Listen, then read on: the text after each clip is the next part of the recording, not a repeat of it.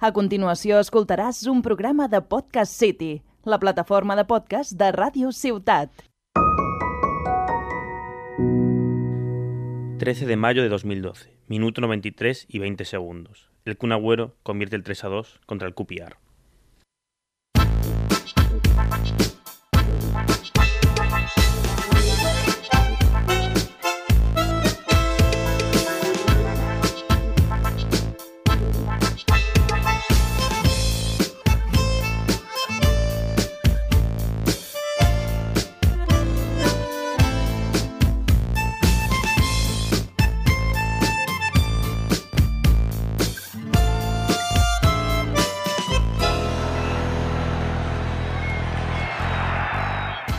La carrera del Kun, por desgracia, llega a su fin. Unos problemas de corazón lo han apartado de las canchas mucho antes de que lo hicieran las piernas.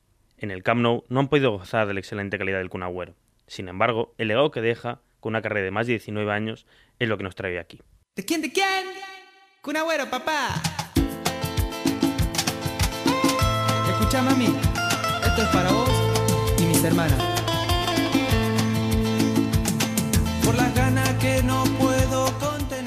Sergio Agüero. Posiblemente muchos no sepan que ese es el nombre del Kun, ya que desde que debutó se le conoció por aquel apodo, el cual recibe porque de pequeño era muy fan de un anime, y el protagonista del cual era Kum Kum.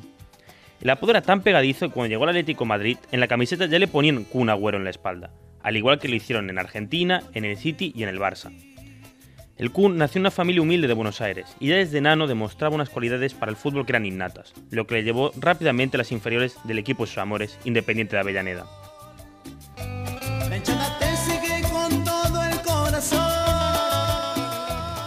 Los inicios del Kun se remontan un 5 de julio de 2003, cuando con apenas 15 años y 35 días debutó profesionalmente con el club de sus amores, Independiente.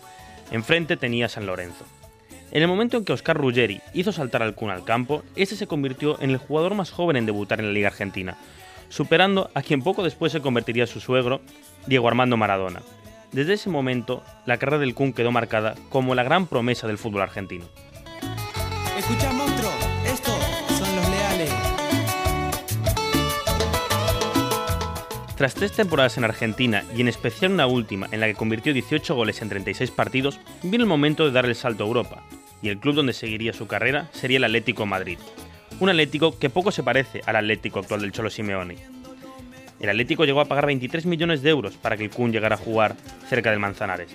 Una cifra nada desdeñable para tratarse de un joven de apenas 18 años. El equipo colchonero estaba dirigido en aquel entonces por el Vasco Aguirre, y entre sus estrellas encontramos a Forlán y a la Fiera Rodríguez. Y por aquella época el objetivo era llegar a Champions.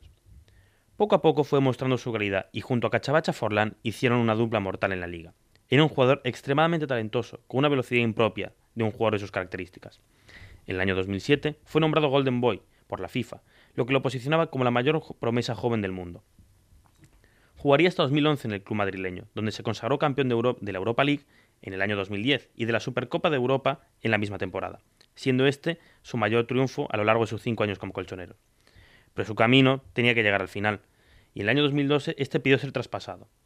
En principio su deseo era jugar al Real Madrid, pero esto se vio truncado porque ambas directivas no estaban de acuerdo, sobre todo la del Atlético Madrid, que no veía con buenos ojos que su mayor promesa fuera a el club rival. Tras cinco temporadas, dos títulos y 101 goles en 198 partidos, el destino del Kun lo llevaría a cruzar el charco e irse a jugar a Inglaterra, al norte del país británico, concretamente a Manchester, y más concretamente al Manchester City, quien pagaría 45 millones de euros al Atlético Madrid por su fichaje.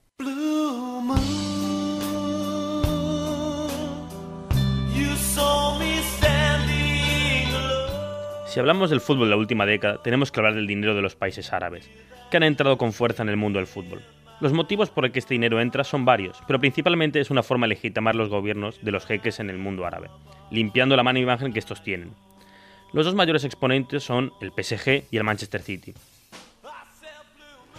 En el caso del City, con la llegada del jeque Mansur, el club mancuniano pasó a ser un equipo en mitad de tabla a ser el principal candidato a ganar la Premier League y con el fichaje del Kun Agüero de 23 años, el jeque tenía a su superestrella, que venía a conseguir ganar su primera Premier League.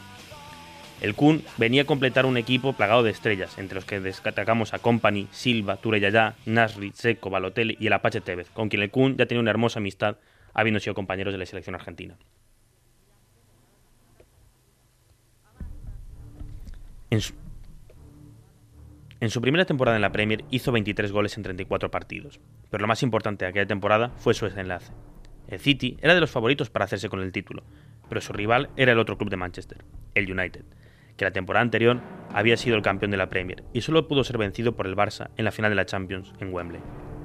Los de Ferguson venían como el equipo más dominante y la historia les favorecía, ya que el récord contra el City, antes de la llegada del jeque, era muy superior para los Red Devils. Eso cambió cuando en el primer enfrentamiento en Old Trafford, los Sky Blues ganaron el derby por 6 a 1, con goles de Balotelli, Seco, Silva y uno del Kun. Esta humillante derrota fue la peor que sufrió Ferguson en sus más de 20 años como técnico del United. A pesar de ese triunfo, la liga estaba a la par entre los dos equipos de Manchester. El partido del Etihad, el United se vengó de la derrota, ganando 2 a 3 y dejando a los equipos empatados por puntos en el primer puesto. El empate entre ambos no se rompería hasta la última fecha del campeonato, en la que tanto el City y el United llegaron empatados con 86 puntos. El United jugaba contra el Sunderland y el City se enfrentaba al Queen's Park Rangers en su casa. Los dos partidos se jugaban a la vez. Ambos estaban empatados a puntos, pero si ganaban los dos, el título sería para el City por la diferencia de goles. El United hizo los deberes y ganó por 1 a 0 con un gol de Rooney en el minuto 20. Toda la presión estaba en Manchester, donde el City se defendía el título contra el QPR, que sorpresivamente llevó al City a un partido mucho más difícil de lo esperado. Empezó ganando el City con un gol de Zabaleta en el 38, pero al inicio de la segunda parte se empataría el partido, y para mayor complicación, en el 66, McCain encabezaría el partido para los londinenses. Se veía venir la mayor friada de la historia. El pánico empezaba a cundir y con ella la desesperación. Llegamos al minuto 90 con un 1 a 2 en el marcador, que coronaría campeón al United, cuyo partido acababa de acabar. Se dieron 5 minutos de añadido, y no pudo empezar de mejor forma, con un gol de Seco tras un córner votado por David Silva, en el 91. El tiempo seguía corriendo, y cuando el marcador marcaba el 93, pasó lo siguiente.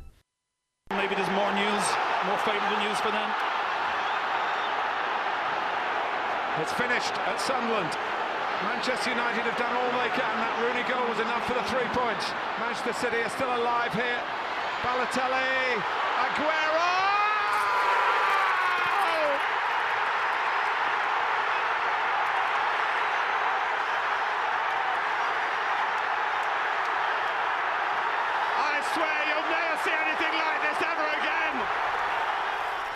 I swear you will never see anything like this ever again. Precedió al Agüero, con el que Martin Taylor narró el agónico gol del Kun en el minuto 90 y 30 y 20 segundos.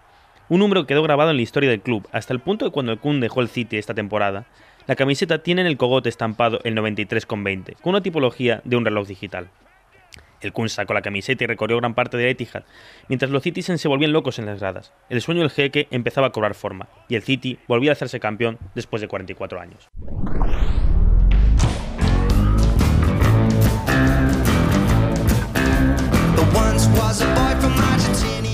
Después de este gol, la carrera del Kun subió como la espuma. 15 títulos con el City, de los cuales 5 eran ligas, las tres últimas bajo las órdenes de Guardiola.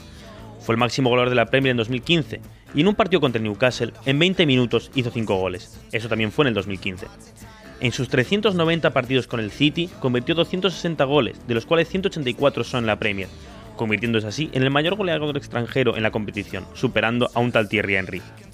La única espinita que le quedó al Kun fue no poder ganar la Champions con el City. Estuvo cerca el año pasado, llegando a la final contra el Chelsea. Ya en sus últimas temporadas estuvo muy lastrado por las lesiones, lo que le hizo cada vez contar menos para Guardiola, hasta el punto que se vio tentado a dejar el Manchester, para ir a jugar con su mejor amigo y el padrino de su hijo, Leo Messi, en el Barcelona. Pero ya sabemos que al final eso no pasó, ya que Messi dejaría el Barça tras la llegada del Kun. Esta última temporada se planeaba como un disfrute, jugando con su mejor amigo, teniendo un rol secundario como leyenda, apoyando a los jóvenes. A esto hay que sumarle la consagración como campeón de América con Argentina, con la que él y Messi se sacarían un gran peso encima. Tras la marcha de Messi, Agüero volvió a recaer en su lección de rodilla, lo que lo dejaba fuera de la competición hasta octubre, donde debutaría contra el Real Madrid, saliendo en la segunda parte y realizando su único gol con el Barça, en una derrota 1 a 2 en el Clásico. Por desgracia, cuando el Kun empezaba a entrar en el equipo, en un partido de liga contra el Alavés saltó la alarma cuando se notó un dolor en el pecho. Días más tarde se confirmó que había sufrido una aritmia, que sería la que acabaría apartándolo del fútbol. Justo ayer, el Kun confirmó su retiro, dando así por acabada una de las carreras más improbables de la historia, un chico humilde de Buenos Aires que se consagró en Inglaterra y que gracias a él nació el nuevo Manchester City y fue la cara del megaproyecto del Jeque Mansur. Voy a acabar este programa con una anécdota que me contó mi tío, Mati, de su viaje a Manchester. Él fue a comprar una camiseta del Kun en el Etihad, cuando por su desgracia en la tienda oficial no se la pudieron dar, ya que no quedaban los puntos de la diéresis del U de Agüero. El emparejamiento más surrealista trajo consigo el gol en el momento perfecto. Manchester City 3, Cupier 2.